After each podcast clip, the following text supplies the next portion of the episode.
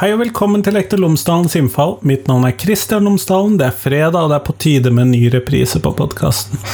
Denne gangen så har jeg hentet fram episoden min med Arne Tyve. Han jobbet den gangen ved Bergensklinikkene, men nå mener jeg å huske at han har gått av med pensjon. Da snakket vi da i 2018 om de som faller utenfor dagens skolesystem. Vi snakket om de sinte unge mennene vi snakket om klasseproblematikk, kjønn, frafall, skolen, læreplanene, alle disse forskjellige elementene. Det var oppe i denne samtalen, og dette er temaer som aldri ser ut til å gå av moten. Og det Eller gå av aktualitet, er vel kanskje bedre å si. Og I tillegg, inni shownotesen til episoden, så vil du finne en del intervjuer som tar opp de samme temaene som er kommet i ettertid, og jeg mistenker at du ikke finner nevneverdig hva skal vi kalle diskrepans mellom budskapene, for mange av disse tingene er det flere som har pekt på, selv om det er en viss uenighet. Men eh, det er samtalen med Arne Tyve. Så er det selvfølgelig sånn at podkasten er sponset av Fagbokforlaget, og Fagbokforlaget utgir bøker og digitale læremidler for hele utdanningsløpet, fra barnehage til høyere utdanning og profesjonsstudier. De har også norsk for minoritetsspråklige. Og visste du at Fagbokforlaget akkurat har kommet med en bok for høyere utdanning om betydningen av å møtes? Eller at de har kommet med en bok for lærere i grunnskolen om planlegging, undervisning og vurdering i samfunnsfag. Kanskje det siste er særlig viktig? At de nettopp har lansert en helt ny naturfagserie for mellomtrinnet. Og så er det ikke sikkert at dette er de temaene som interesserer deg mest, men hvis du går inn på fagbokflagget.no, så finner du læremidler for det aller meste. Nå kommer samtalen med Arne Tyve. Vær så god.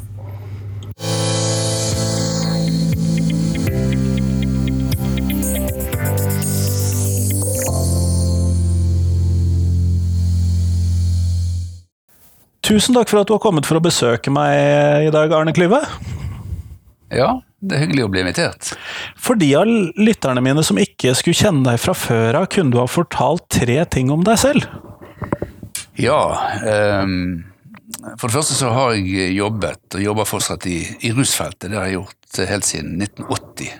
Uh, lenge som feltarbeider i, på gater og spillehaller og snekkbarer og parker rundt omkring i Bergen i 13 år. Og så noen og 20 år som undervisningssjef i Bergensklinikkene i rusfeltet der, og de siste årene som seniorrådgiver, som det så fint heter, eh, hvor jeg har litt friere stilling. Ja. Kan fokusere litt mer på etter hva du ser at det er nødvendig å gjøre? Ja, jeg kan det. jeg kan det, Og det er litt sånn eh, privilegert når du er kommet opp i høy alder, så kan du gjøre de tingene du liker best. Så ved siden av det da, så eh, holder jeg på med et par prosjekter i Oslo. Et besteforeldreprosjekt. Vi lurer litt på om det er store eh, krefter å forløse i den generasjonen. Og så et foreldreprosjekt som springer ut fra Oslo. Og så skriver jeg litt. Skriver bøker. da. Ja, og det er jo nettopp gjennom bøkene dine som jeg har, eh, at jeg har blitt kjent med deg, i hvert fall. Ja, det, det, er kjekt. Eh, jeg har jo skrevet lenge, men eh, første boken som eh, slo litt an, det var jo den sinte unge menn i kunnskapssamfunnet som jeg skrev for 2007. og så har jeg skrevet litt politisk satire etter det, og koser meg med det, og fortsetter litt med det. Så bra. Og det er jo nettopp disse sinte unge mennene som jeg hadde lyst til å prate om, eller kanskje guttene generelt, da. Eh, for det er jo langt fra alle som er sinte. Eh, men eh, hvordan er ståa for menn, eller guttene, da, i skolen i dag, er vel kanskje der jeg vil begynne? Ja, jeg, tror altså Hvis du ser på det gutter flest, altså, så er jo Eh, det er ikke så store forskjeller på jenter. Altså det, det ser ut som det viktigste forskjellen er liksom hvordan, hvordan, du har det hjemme. Eh, altså Middelklassens gutter gjør det fortsatt ganske bra i skoler og sånt. De, de, jeg er spesielt bekymret for, det er jo de guttene som før kunne gå til maskuline jobber. Altså de jobbene som er innhentet av teknologien eller satt bort til lavkostland. altså. Dra på sjøen og dra til industrien og Ja, og ta seg en pause og et lite hvileskjær og sånt. Så kom de tilbake igjen. Altså. Eller begynne å jobbe når du var 16 år, som de gjorde eh, på 70-tallet, 80-tallet. Så gikk jo 40 av disse unge guttene rett ut i lønnsarbeid som var mellom 16 og 19 år. Altså. Nå må du inn i videregående skole og falle fra. Sånn at det er primært sett av det som vi før kalte arbeiderklassen, og som eh, primært sett eh, av de guttene som du da bekymrer deg for? Ja, altså, du kan si de, de guttene med, med, kloke hender, som jeg sier. Altså, de, de som, var, eh, som, hadde andre talenter. Altså, vi har jo forvekslet kunnskapssamfunnet med boklig kunnskap. Så eh, jeg tror det er viktig å slå et slag for, eh, for, for de talentene der. Altså, jeg håper at det kommer sterkere tilbake i skolen. altså praktisk, At kunnskapssamfunnet også blir, blir praktisk kunnskap. Altså. Men eh, hvordan er ståa da, hvis vi da ser på disse eh, guttene som vi da har begrenset oss nå litt til? Hvordan passer de inn i skolen sånn som skolen er i dag? Jeg tror ikke de passer så godt inn. Jeg tror eh, selv eh, obligatorisk skole, altså utdanningsløpet sånn fra 6 år til 16 år, et ekstra, ekstra trøkk på de guttene der, eh, som før klarte seg veldig bra. Også, som var, når du var lei av skolen, så kunne du slutte når du var 16 år. Så eh, skole er rett og slett ikke skreddersydd for, for, for, akkurat de eh, guttene der. Altså, vi ser det jo i det hele, hele den vestlige verden. Altså. Dette er jo ikke bare i Norge, dette er et vestlig fenomen hvor hopetallet av gutter faller ut. Og noen av de resignerer, eh, og det er kanskje vel så stort problem at en blir rett og slett eh, trekker seg tilbake, og noen blir eh, sinte, og, eh, og eh, noen hevner seg på, på samfunnet. Ja, det, det, tror jeg vi skal komme litt tilbake til. Uh, dette med i hvert fall med hevningen og sånn. Men når vi da ser det, Mitt inntrykk er i hvert fall at norsk grunnskole primært sett er hva skal vi kalle en sånn studiespesialiserende grunnskole. Og så kommer vi opp på videregående, og der kan vi velge litt yrkesfag og litt studiespesialiserende videregående. Men vi har ikke den samme valgmuligheten lenger ned. Nei, nei. Det er i hvert fall mitt inntrykk. Nei, ikke den samme valgmuligheten lenger ned. Og, og i tillegg så eh, starter jo dette her eh, utdanningsløpet eh, veldig, veldig tidlig. Altså, jeg, jeg blir litt bekymret når kunnskapsministeren reiser til Singapore for å se hva de har fått til der, altså, fordi at de gjør det så godt på PISA-testene. Og så eh, glemmer han at Singapore er òg et av de landene der eh, veldig mange unger tar livet av seg, også, men de gjør det veldig høyt der. Og, og der begynner de har en suveren puggeskole, så vidt jeg har sett. Der. Ja, de har det, de har det og, og eh, tre av fire barn får jo eh, betalt spesialundervisning helt ned i barnehagealder av foreldrene, sånn at de skal knekke den skolekoden mye tidligere. Altså det, det der eh, ut kunnskapsløpet helt ned i barnehagen, det må jeg si at jeg er meget bekymret for. Også. Og, og, og så er det vel sånn at skolen er en arena både for anerkjennelse og for krenkelse oppover. Jeg sier at kanskje en nasjonal arena for anerkjennelse og krenkelse. Også, og det at Eh, du skal gå ti år, og kanskje 13 år på skolen, der du får noen får som sin mest gjennomgripende læring at ikke de strekker til. Og det er det ingen, ingen som har bedt om. Altså, hvis du dårlig spiller fotball eller dårlig musikk Da slutter du på det? Ja, slutter du på det. Sant? Men skolen skal du gå så mange år uten at du kan beskytte deg mot å bli sortert som en som ikke strekker til. Altså. Og det er spesielt guttene som eh, ser ut til å eh, bli ekstra rammet av det. Men hvilke følger får dette da for eh, disse guttene? Hvor går de ut fra skolen når de slutter? Hvordan, hvordan har de det, de som du kommer i kontakt med, da særlig? Det er jo ja, mange har jo, altså Det å ha dårlig skolehistorie er en sånn høyrisikofaktor for livet seinere også. Eh, altså Noen kjenner at morgendagen er litt sånn avlyst altså allerede i obligatorisk skole. Altså, sant? Og, før du er 16? Ja, før du er 16. altså. Sant? De er dårlige på skolen, og så ser de kanskje at Eh, far og mor heller ikke har jobb, og så, og så gir de opp, altså. Sant? Eh, og, og, mange av de eh, Jeg har sett på de i Norge, og, og mye av boken er jo, har sin empiri fra, fra Tyskland, hvor, hvor en ser at mange av disse guttene som ikke når eh, opp i skolesystemet, eh, rekrutterer i hopetall inn til sånne ekstreme høyrebevegelser. Så 70% av de unge guttene i Tyskland definerer seg som tapere, og som går til eh, ekstreme høyrebevegelser. Det hørtes farlig ut. Men og det, det, er litt sånn, for Jeg har lyst til å komme litt tilbake til det, og det høres farlig ut når så mange definerer seg som tapere, og det blir rekrutteringsområdet. Men når du da er inne på Tyskland Tyskland har jo en måte hvor de deler opp grunnskolen til en sånn Her kan du studere grunnskole, og her, her skal du ut og jobbe grunnskole. Gir det noen effekt på dette? For det høres jo ikke sånn ut da? At eh, det gir noen effekt på tallene her? Nei, altså Tyskerne har et skolesystem hvor de sorterer elevene når de er ti år. Altså De flinkeste går til gymnasium, altså 50% og så går 30% realskole, og så blir 20 hengende igjen i, i hoppskole, da, som er for de som ikke skal noe sted. Altså, sånn. Det er jo de eh, guttene, og, og for så vidt noen jenter også, som trekker PISA-rangeringene til Tyskland så dramatisk ned. Altså. Så nå er det en diskusjon i Tyskland om vi skal avskaffe dette hoppskjolesystemet og se om vi kan få de inn i større fellesskap også. Men det, det er for de 20 som ikke skal, skal noe sted. Altså. Fordi at, eh, og det er jo en kritikk av mitt eget forrige synspunkt, det at jeg ser på norsk grunnskole som en sånn studiespesialiserende grunnskole. Og da kommer å være alternativet. Kanskje det tyske systemet. Det høres jo ikke ut som det er et reelt alternativ. Sånn, for å bedre dette, da.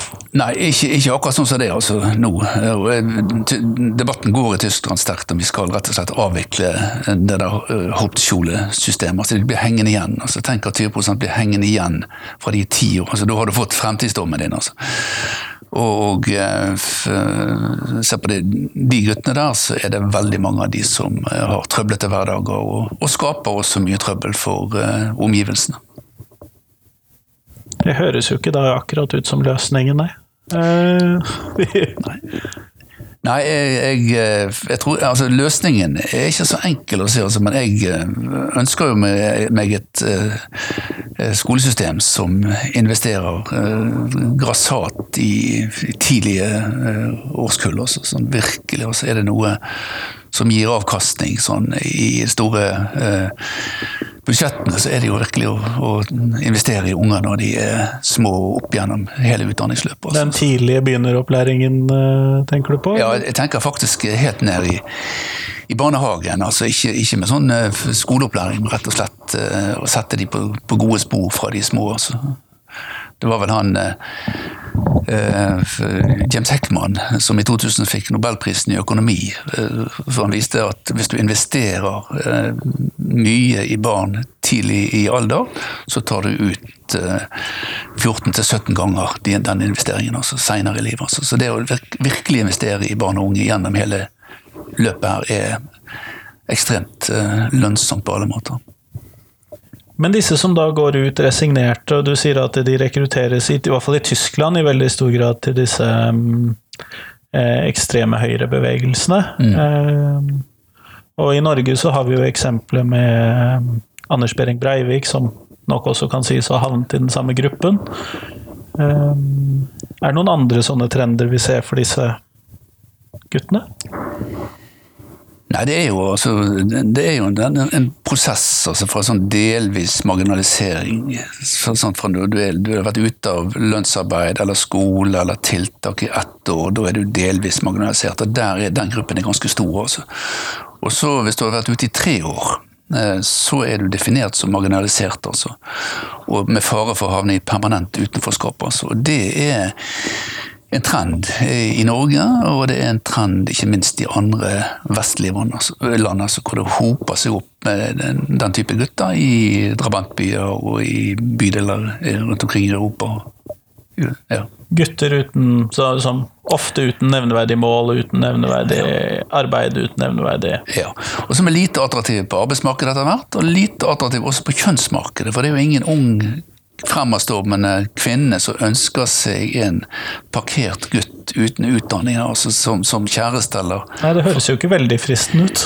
Nei, altså du taper på, på flere områder, altså, sant? og da har du så lite igjen å miste. Altså. Så det, det er jo så farlig å la noen vokse opp uten at du har noe å miste. Altså.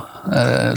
Og, og det er jo ikke alle som blir sånn som eh, Behring Breivik eller eh, andre som har eh, gjort grufulle ting. Også. Men, men sånn, klart, klart det, er, det er nok en del som tenker seg eh, å, kunne hevne seg, også, men de aller færreste gjør det jo.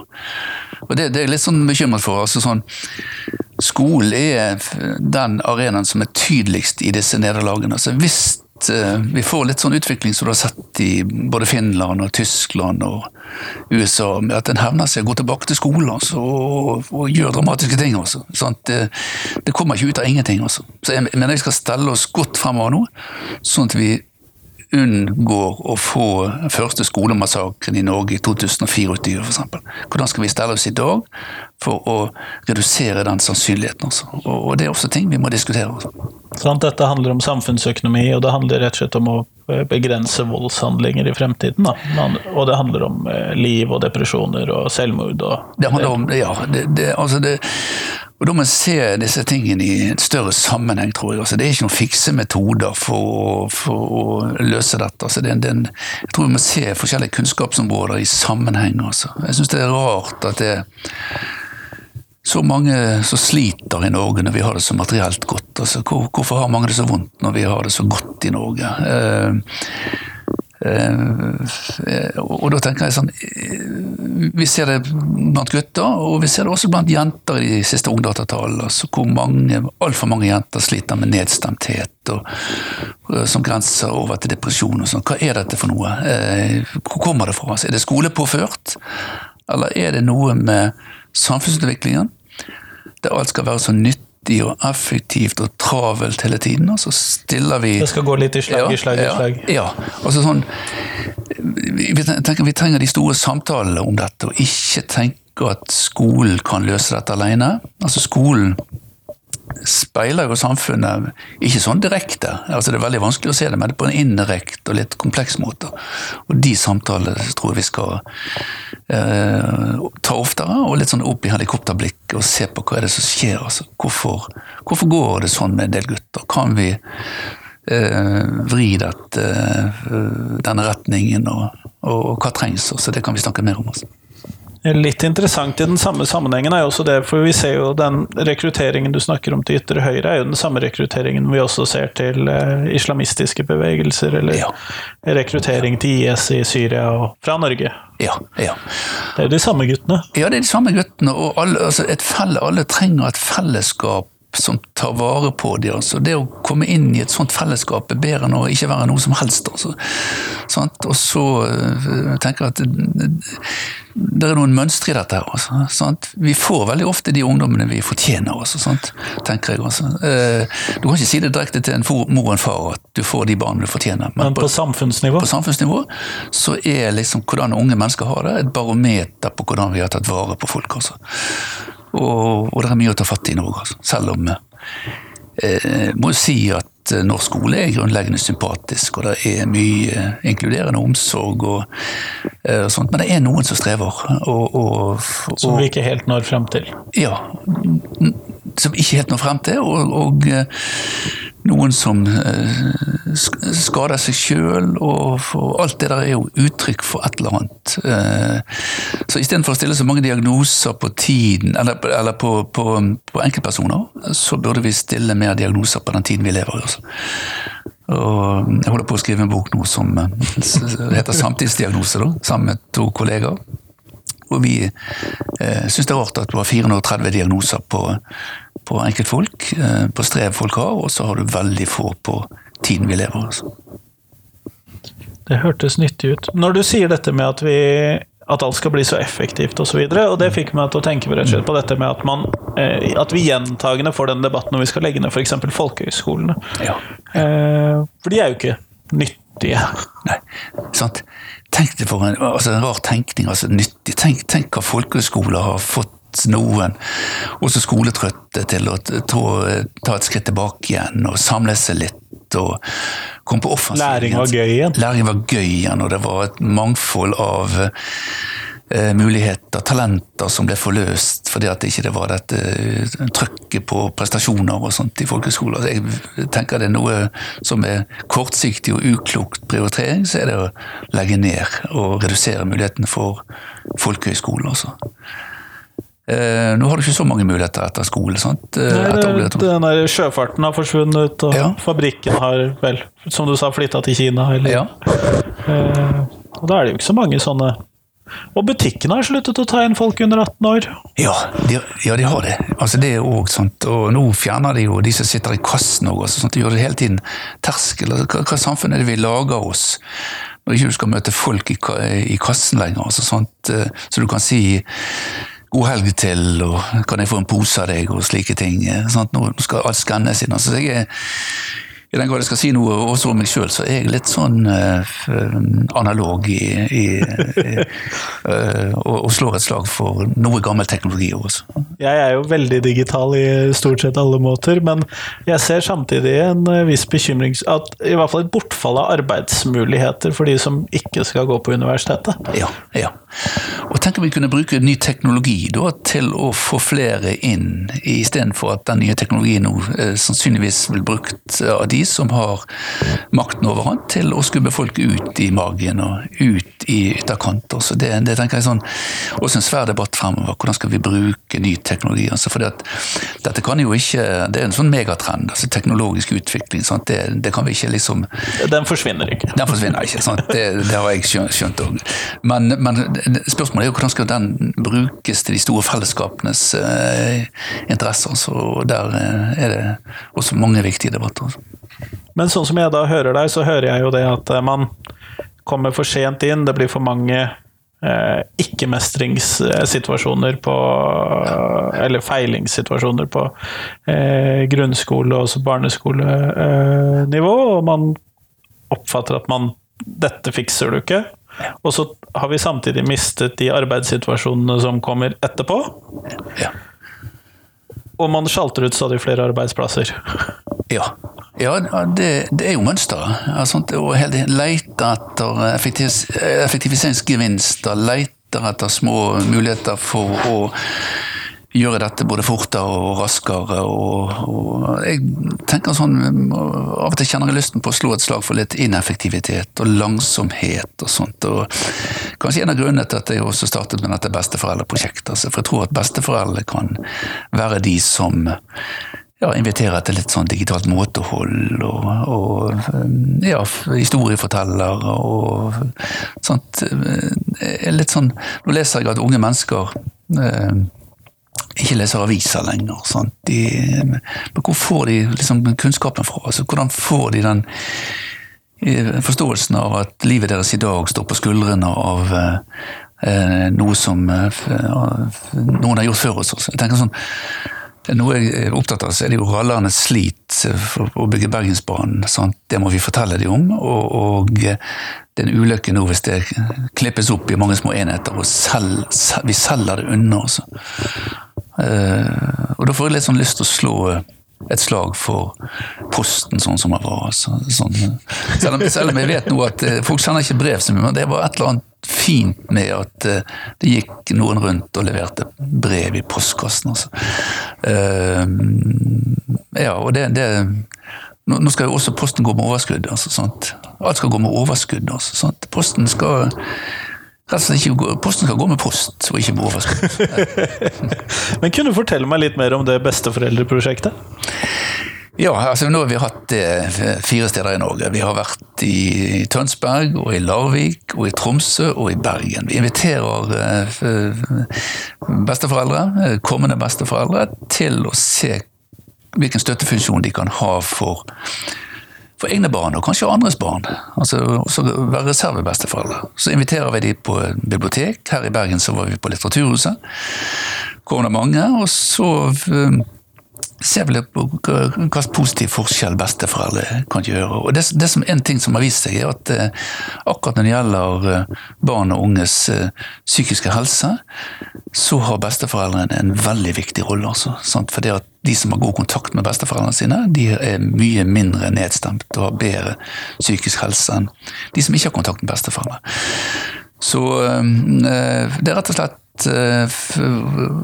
samle besteforeldre, interesserte, og få øynene opp for at de kan spille en viktig, viktig støttefunksjon for eh, både som omsorgsgiver og som historieforteller, og, og som gode venner. Altså, sånn, så foreldrene ikke kan være på samme måten, for de skal også eh, vise mer av den fastheten. Og mer disiplinfaktor?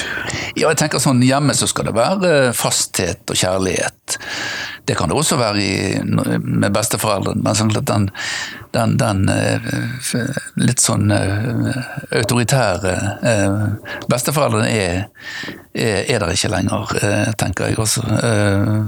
Så, så, så, Mine barn er vant til noe som heter besteforeldreregler, og det er en del mer friere enn foreldreregler, i hvert fall. Ja, at du kan gi litt slakk og sånt. Og det, sånt de skal jo vanligvis pusse tenner hos besteforeldre og, og sånne ting, så de får ikke lov å hoppe i sofaen hvis de Det, er jo besteforeldrenes regler som gjelder der, men det, litt, det gir mer slakk, og det gir også en del muligheter og, til å senke skuldrene og, og få opp trivsel. Og, og ja. Hvordan kom du inn i dette feltet med disse sinte unge mennene, egentlig?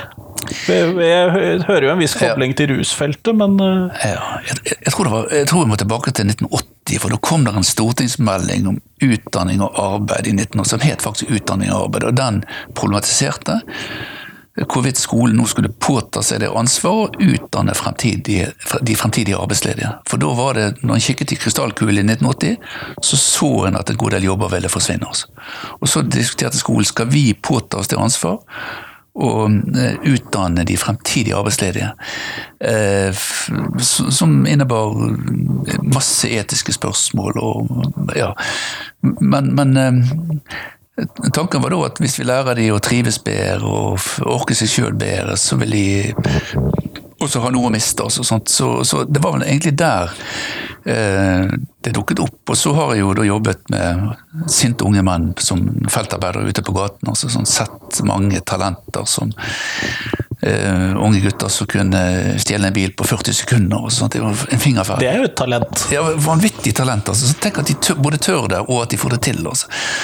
Sant? Og visste akkurat hvordan de skulle koble. og, og så, så, tenkte jeg Eh, kunne jeg fått noe av den eh, de talentene som var litt på villspor til å eh, bli brukt til noe. Så, så, så, merket jeg at når jeg fikk kontakt med disse, så, så var det mange fortellinger fra skolen. Altså, hvordan de har følt seg litt sånn krenket fordi at de har ikke helt fått det til. Altså. Så, så betød det at jeg var i rusfattet, så fikk jeg løftet blikket litt og tenke mer sånn forebyggende. Hvordan kan vi stoppe disse unge guttene på vei inn i problemskapende hverdager? Hvor rus og kriminalitet kan være en del av det. Altså. Uh, og det var vel der det egentlig oppsto. Altså. Fordi at jeg tenker at uh, Jeg tilhører jo den gruppen lærere som mener at man det gjør nok veldig mange av oss, som mener at vi må få en økt eh, tilrettelagt opplæring tidlig for de som holder på å falle fra ja, eh, ja. i skolen. Men eh, jeg har ikke tenkt så tidlig som barnehagen ennå, det har jeg ikke. Jeg skal bare si at I barnehagen altså, noen, En sånn høyrisikofaktor blant gutter og jenter, det er jo savn av positiv maskulinitet. også. Sånn I barnehagen er det 10% menn. I barneskolen er det 20 menn. Så flere rollemodeller ja, tidlig? Jeg tror det. altså. Det, noe av det dumme vi gjorde, var jo å ta vekk vaktmesteren på skolen. altså.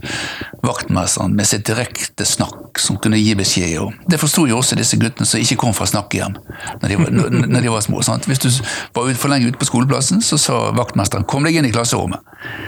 Sånn, I dag har mange gått på kurs og lært seg å snakke litt sånn indirekte og litt sånn forsiktig. Så jeg savner, jeg slår et slag for vaktmesteren og den positive maskuliniteten hvor, fra et praktisk yrke, hvor eh, gutter gjerne, når det var et eller annet som, som blinket opp i taket og en lyspære som skiftet, så hentet de frem gardintrappen, og så fikk de lov å, å stå litt i gardintrappen og hjelpe til litt, og se en praktiker i, i hverdagen. Altså. Så, så helt at uh, positiv maskulinitet inn i tidlige liv for unge gutter og jenter. Bare det å kunne se i barnehagen at en mann og en kvinne snakker fornuftig med hverandre. Det er ikke alle som har, har sett det hjemmefra. Altså.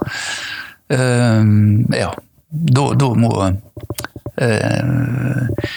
da må det yrket tilbake. Altså. Det er to grupper jeg virkelig savner i skolen i dag. Altså. Det er vaktmestrene, og så er det helsesøstrene. Altså. Uh, og det kan jeg gjerne si litt mer om seinere. Mm. Ja, du kan egentlig få lov til å hoppe direkte dit. Jeg tror også at eh, sånn for et rent sånn vedlikeholds- og samfunnsøkonomisk bit, så ville det vært glimrende i tillegg å ha vaktmesteren tilbake. Ja. Stasjonert, som da hele tiden gikk rundt og fikset ting, og som ofte var miljøarbeider i tillegg, og, som du sier. Men uh, helsesøstrene, hvorfor trekker du dette fram helse? Nei, for det, det, det store bekymringstrekket vi nå avleser i ungdatatallene, senest i 2017, det er at veldig, veldig mange, uh, opptil 70 av jentene, uh, strever, strever med nedstemthet i videregående skole. Altså.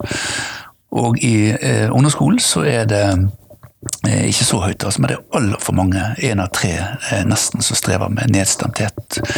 Eh, og, mye av det grenser opp til depresjon. Altså. Det kan godt være at de depresjonsdiagnosene sitter for løst. Altså. Det, det kan vi jo gjerne diskutere også. Men det er mange av de som sliter. Mange sliter, og, eh, og du har fått et veldig prestasjonstrykk, og det er krevende for meg. Da tenker jeg å ha en sånn ventil som en helsesøster i skolens støtteapparat tilstedeværende, hvor du kan få lov å ta litt av dette når det er der, og ikke måtte vente i tre uker på at noe helsesøster er innom noen timer på skolen. Så, Sånn, du, må, du må være der, og eh, akkurat som de som er vaktmesteren, så må du ha et kjærlighetsforhold til den skolen du jobber på. Så ikke sånn ambulerende tjenester som eh, løper litt her og litt Fast tilhold med de samme Fast tilhold. Det ville svart seg. Altså, hvis du kan sette ett liv på sporet her, altså, så kan du spare 17 millioner kroner. Også. Det er mye penger. Det er veldig mye penger, og eh, de sier at hvis du virkelig er tung, tungt i gang med en kriminell eller ruskarriere når du er 15-16 år, og kanskje dør når du er 44 år, så er kostnaden for det eh, ca. 19 millioner. Eh, I form av fengselsopphold, institusjonsopphold, diverse spesialsk... Altså alt det du kan legge inn i et sånt regnestykke. Tenk om du kunne bruke de to millionene for å sette den gutten på 11 år på sporet veldig tidlig. Også. Og kunne spart 17 millioner. Um, I tillegg så er det jo sånn at hver ung som strever, har syv andre rundt seg som også får livet sitt forstyrret. Også. Sånn at En lillebror i tredje klasse, der er en bestemor som ikke får sove. Så kan du lage regnestykker på det òg. Det er formidabelt lønnsomt på alle måter å trå til når du ser tilløp til vanskeligheter. Og de oppstår veldig tidlig. Også. Noen av de oppstår i barnehagen. Også. Og dermed så trenger man da noen som utover lærerne, som da også kan se disse i skolen. Ja, så kan avlaste lærerne. også, Sånn lærerne er øh, for mye alene med for, for mange behov, tenker jeg. Så noen som kunne avlaste. Dette er for stort for meg. Sant? Uh, før han nå straffer seg ut av skolen, før vi er nødt til å liksom, i, i, vise han bort, så, så kan, noen gå tett på han. Også. Og det, det har det vært så lønnsomt. Også. Men det er akkurat som med vedlikehold. Vedlikehold har jo sånt eh, 30 års perspektiv for seg. Litt, litt, sånn har det også med barn og unge. Altså. Du må tenke modig. Det vi investerer her, det tar vi ut mye seinere. Det du setter inn på den kontoen der, den gevinsten henter du kanskje om 20 år. Også. Det er litt vanskelig å se disse gevinstene som man da får på lang sikt, da. Ja, altså Politikere har jo vanligvis fire års horisont på arbeidet sitt. Sant? De skal gjenvelges og sånt. De snakker om forebygging, men forebyggingen har det, det, jeg kan si det fra minus ni måneder til 19 år er forebyggingsalder. ja. sant? Og det du setter inn der da, gjennom utdanningsløpet, tidlig barnehage og sånt, ja, det tar du ut seinere. Altså. Men det regnestykket får du aldri sett helt skikkelig, altså, for du vet jo aldri hvordan det vil gå med folk. Altså. Nei, det blir jo litt kontrafaktisk historie. Her kunne det gått skikkelig dårlig, og det ville kostet så og så mye. av det. Ja, ja, det er sånn det er. Altså, og noen eh, som det skulle gått dårlig med, går det jo av og til bra med òg. Men veldig mange av de som strever i dag, når jeg ser inn i rusfeltet, altså, veldig mange av de som har tung rushverdag, har vært synlige langt ned i barneårene. Altså. Så det, det, er ikke, det, rus rammer ikke blindt. Det er ikke noe sånn som meslinger. Også. Det er sånn, hvis et øvet blikk i barnehagen vil se at den gutten der sannsynligvis vil streve hvis ikke vi trør nok til noe. Altså. Uh, og så, så, Derfor burde jo også barnehagen blitt bemannet med masse både menn og kvinner altså, i, i, i, i, godt lønnet, altså, tenker jeg. Altså. Eh, det skal jeg ikke si meg uenig i. Eh, Når vi nå går mot slutten av podkasten, så har jeg selvfølgelig et spørsmål som jeg stiller til alle. Du skal rett og slett få lov til å bli skolediktator. Så Arne Klyve, om du fikk eh, fritt budsjett, fritt mandat til å gjøre noe med norsk offentlig skole, hva ville du gjort da? Ja, det, det er mange ting, og da ser jeg helt bort fra kostnader og sånt. Men, Ja, ja, selvfølgelig. Ja, ja. Men jeg, jeg tenker sånn et, eh, et, et varmt måltid for alle, altså. Eh, Det ville fått opp både konsentrasjon og jeg tror det ville vært altså Det er vel nok erfaringer nå, både nasjonalt og ikke minst fra Sverige, som sier at det, det øker konsentrasjonen, og det er bra, og det er bra for folkehelsen. Altså. Det ville kostet mye penger. Og særlig for barn fra hjem med litt sånn, hva skal vi kalle det, ustabil eh, samspisingsgrad. Ja, ja, ja sant? laget et måltid der, et varmt måltid for et høydepunkt. Altså. Så, så det, det tror jeg eh, eh, nok ville kostet, men eh, det kunne en tatt seg råd til. Altså. Igjen så ville vi hentet gevinsten seinere. Altså. Um, så har jeg lurt veldig på dette med uh, skoleuniform. Altså, jeg, eh, jeg er nesten både for det og mot det, men, er- men sånn, jeg, jeg- jeg tenker at det ville tatt vekk en del av dette voldsomme eh, utsidetyranniet som det er på folk. Altså det å kle seg i merkeklær og sånt. Jeg vet ikke hvordan det skulle se ut. Altså. Ikke som i England. Det måtte vært noe finere.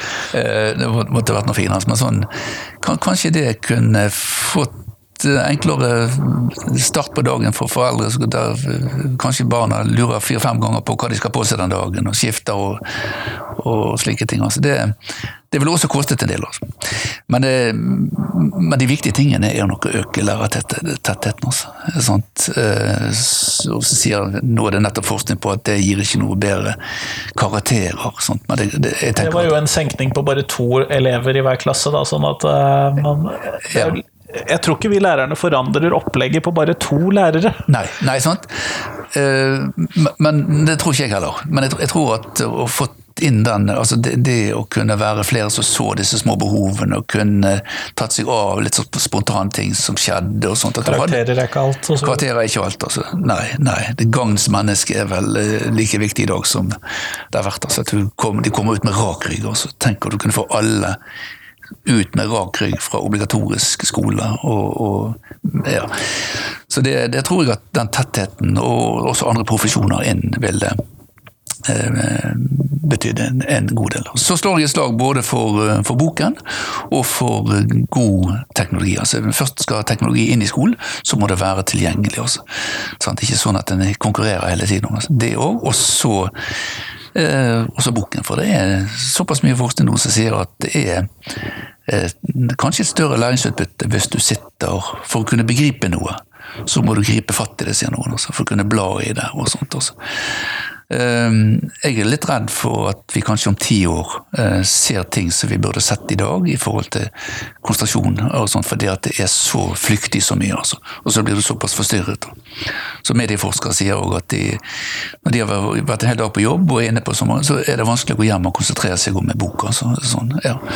Så jeg slår, slår et slag for eh, eh, for både skriftkultur og, og boken. Altså, sånt, eh, uten at det nødvendigvis koster så mye. Altså. Kjempeflott. Tusen takk for at jeg fikk lov til å prate med deg. Takk for meg.